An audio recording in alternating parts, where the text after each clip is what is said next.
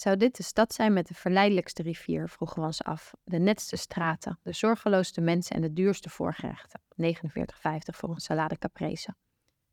We liepen door het kleine, pittoreske centrum van Bern in Zwitserland, waar dit jaar opnieuw het True Story Festival plaatsvond, met bijbehorende prijsuitreiking. En verzuchten hoe geweldig het leven is als je even niks hoeft.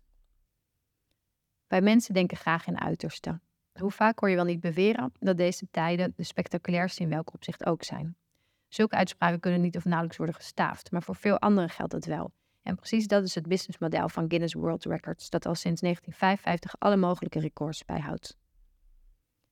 Toen weinig antwoorden nog te googelen waren, moest dit boek de verhitte sfeer waartoe meningsverschillen kunnen leiden omzetten in licht.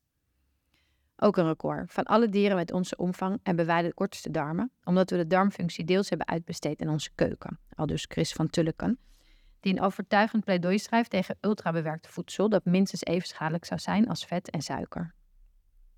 Alberto Grandi waarschuwt tegen een ander gevaar van, in dit geval Italiaanse eten.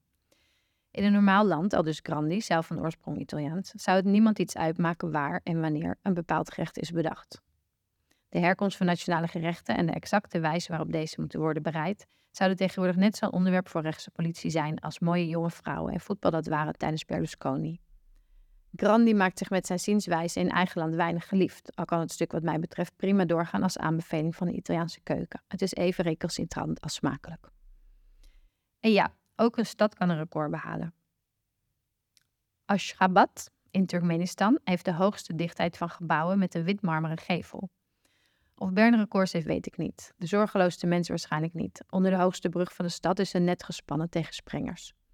Hoe dan ook is het zonder twijfel een van de beste plekken om als gepensioneerde door te brengen. Ook als je een teenager bent en je weigert te conformeren aan de stigma's rondom ouderdom.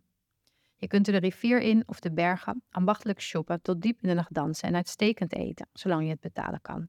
Een perfecte plek om niets meer te hoeven, vrij te zijn om te gaan en staan waar je wilt.